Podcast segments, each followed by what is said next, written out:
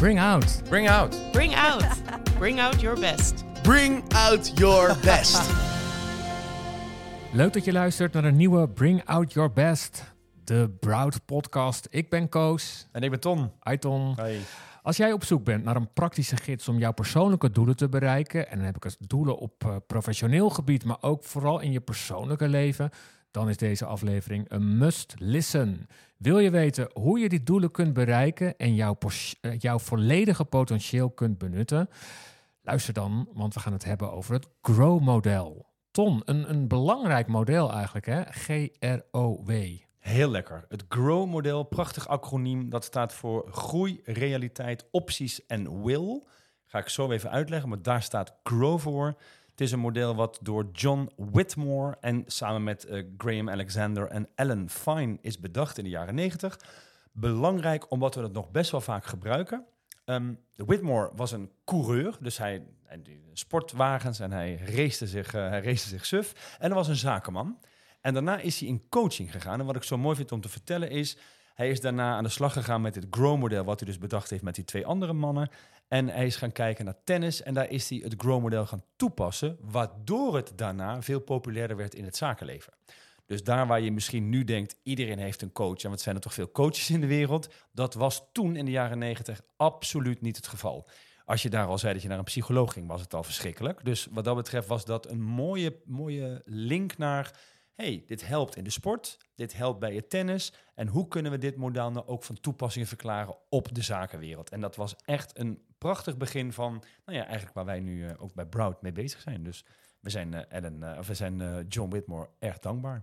Het GROW-model. Ik heb er nu al zin in, mm-hmm. want um, ik denk dat iedereen die luistert wel bepaalde doelen heeft, bepaalde ambities heeft, dingen die misschien anders zouden kunnen. En misschien proberen we het ook allemaal wel, maar soms lukt het net niet.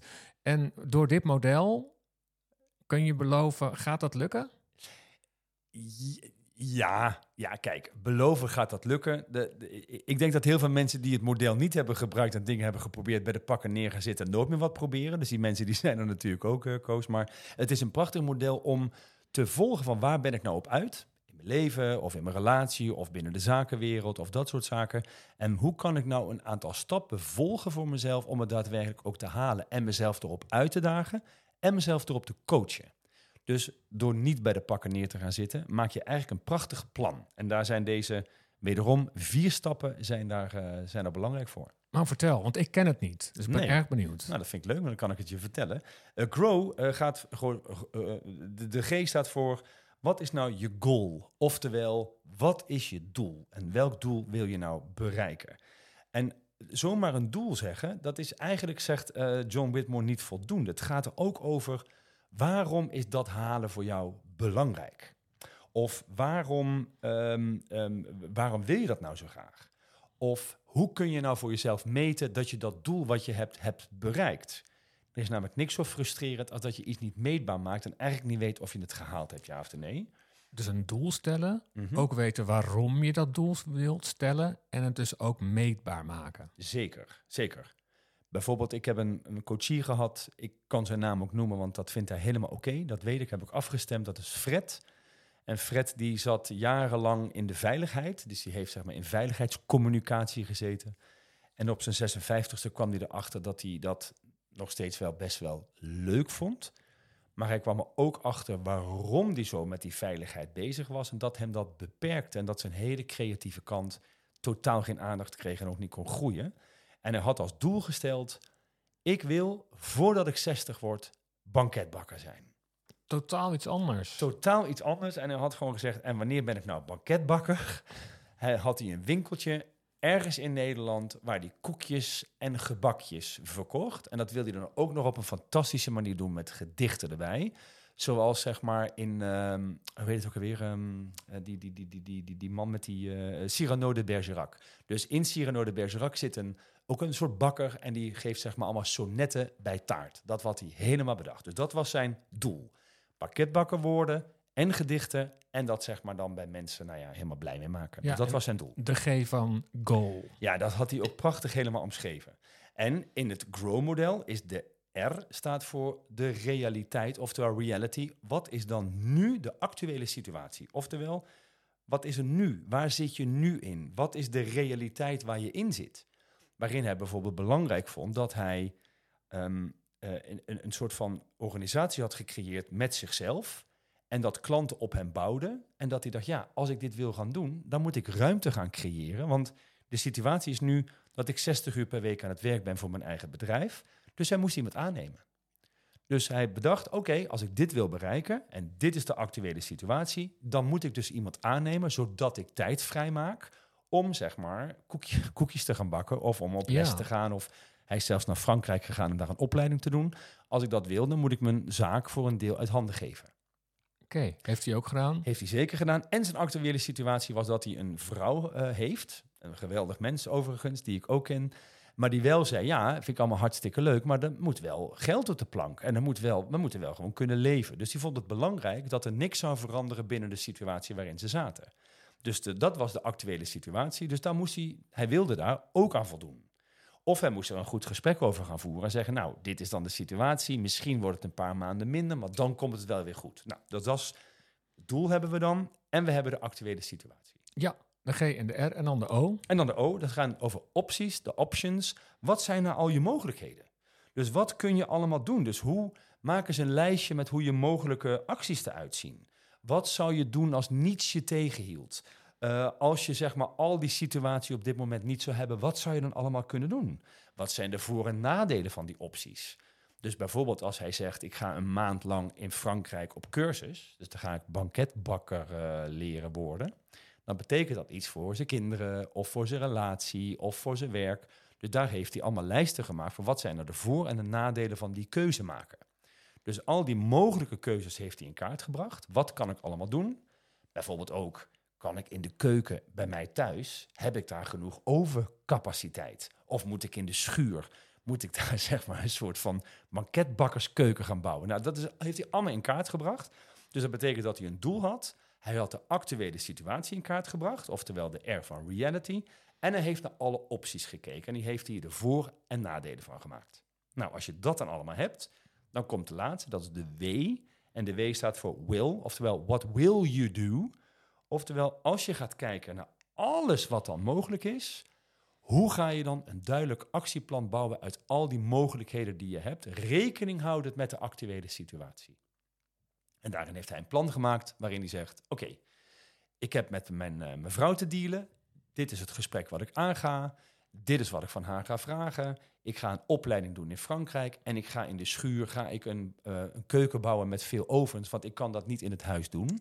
En dat betekent dat ik nog iemand ga aannemen. Die zeg maar voor mijn huidige werk nog meer gaat doen met klanten. Waardoor ik wel financiering heb. Maar ik wel kan werken aan mijn grote hobby. Ja. Will, een soort van actielijst. Ja, actielijst, maar vanuit die actielijst ook daadwerkelijk om gaan zetten tot acties zelf. What will you do? En wanneer ga je dat dan allemaal doen? Dus je gaat het dus ook in de tijd uitzetten wanneer je wat gaat doen. Oké, een soort tijdsplan maken. En ja, dat is hartstikke nodig, want op het moment dat je zeg maar, de voor- en nadelen hebt eh, in kaart gebracht, van wat kun je allemaal doen, dat is ook wat wij heel vaak vragen. We zeggen, oké, en wat, wat wil je nou gaan doen? En dan gaan mensen zeggen, nou, ik ga dit en dit en dit doen. Dan is altijd onze eerstvolgende vraag, en wanneer ga je dat dan doen? Ja, planning. Want, het gaat over planning. Het gaat over je afspraak met jezelf nakomen. Het gaat over integriteit naar jezelf. Ben ik, ben ik nou daadwerkelijk aan het doen wat ik graag wil? Anders is het misschien nog steeds een goed voornemen. Dus dat hoort erbij. Dus grow. Oké, dus zit je te luisteren en heb je een plan? Wil je iets? En dat hoeft natuurlijk niet iets heel groots te zijn als een totaal grote carrière switch. Begin dan bij het eh, stellen van een doel, de goal. Hè? Mhm, ja. Weet wat je gaat doen, waarom ga je het doen en is het ook meetbaar wat je wil gaan doen. Klopt. Dan is er de R. Van re- realiteit. Oftewel, wat is op dit moment in mijn leven of in mijn werk de huidige situatie? Dan gaan we naar de O, Dan gaan we naar de O. Wat zijn al mijn mogelijkheden? En dan als laatste, wat ga ik dan bijvoorbeeld doen? de will. The Will. En als je het wil nalezen, eh, ehm, ehm, John Whitmore heeft een prachtig boek geschreven. Dat is Coaching for Performance. Ehm, dat, de- daar is eigenlijk het begin van coaching ontstaan. Echt waar? Zeker. Ja, dat was van tevoren natuurlijk wel. Maar coaching aan zich, op de manier waarop we dat nu doen, daar is het eigenlijk begonnen. Oké. En of dat nou in business of in privé is, eh, dat, eh, dat, dat kan op beide fronten. Ik heb zelfs iemand geholpen met het Grow-model, die zeg maar geen relatie had en heel graag wilde trouwen en kinderen wilde hebben. En die heeft dat via het Grow-model van voor naar achter helemaal in kaart gebracht. is nu getrouwd, heeft drie kinderen en is uitermate gelukkig. Wat leuk. Ja, Wat mooi, bijzonder. Heel bijzonder. Ik zal even een, eh, of we gaan even een linkje zetten in de show notes ehm, naar deze meneer en ook dat boek. Dus mocht je daar meer over willen weten, dan eh, check dan even onze show notes. Jij zat te vertellen, Ton, over hè, die G, die R, die O en die W. En ik moest meteen denken aan ik vertrek. We gaan mensen ja. emigreren naar het buitenland eh, op televisie. En eh, daar is weinig sprake vaak van het Grow-model, wat hilarische televisie oplevert. Oh, ik maar daar dat is zo vaak- grappig die dat je gaan, dat vertelt. Die gaan gewoon. Wij, ga- wij willen een. B&B en we kopen wat in een land, maar we Ach. hebben totaal niet bedacht wat we nou willen. Wat is ons doel hiermee? Oh, dat is helemaal Misschien waar. nog wel een beetje. De reality check is er vaak ook helemaal niet. dat is helemaal waar. De options, ja. Zijn er ook niet? En de way is ook eh, de way. Oh, ik ja. moet denken aan die, eh, die, die, die, die meid en die jongen die dan naar Griekenland gingen en daar een eh, pizzeria gingen beginnen. Dat vind ik dan nog oké. Maar die gingen Hawaii. met, met Hawaii en die gingen dan in een, een eigenlijk achteraf in een straatje, wat dan niet werkte. Maar ze hadden vergeten dat ze ook Engelse toeristen kregen. We spraken allebei geen Engels. Nee, oh, ja, is pizza Hawaii. Dus dus ze zegt NNS. precies, die vrouw die zegt van, wat is een pizza Hawaii? En toen zei die jongen, zei, dat is best NNS. dat is inderdaad heel weinig grow aan te pas gekomen. Oké, dankjewel Ja. Ton. Dit, is het, eh, ja, dit was het over het Grow-model.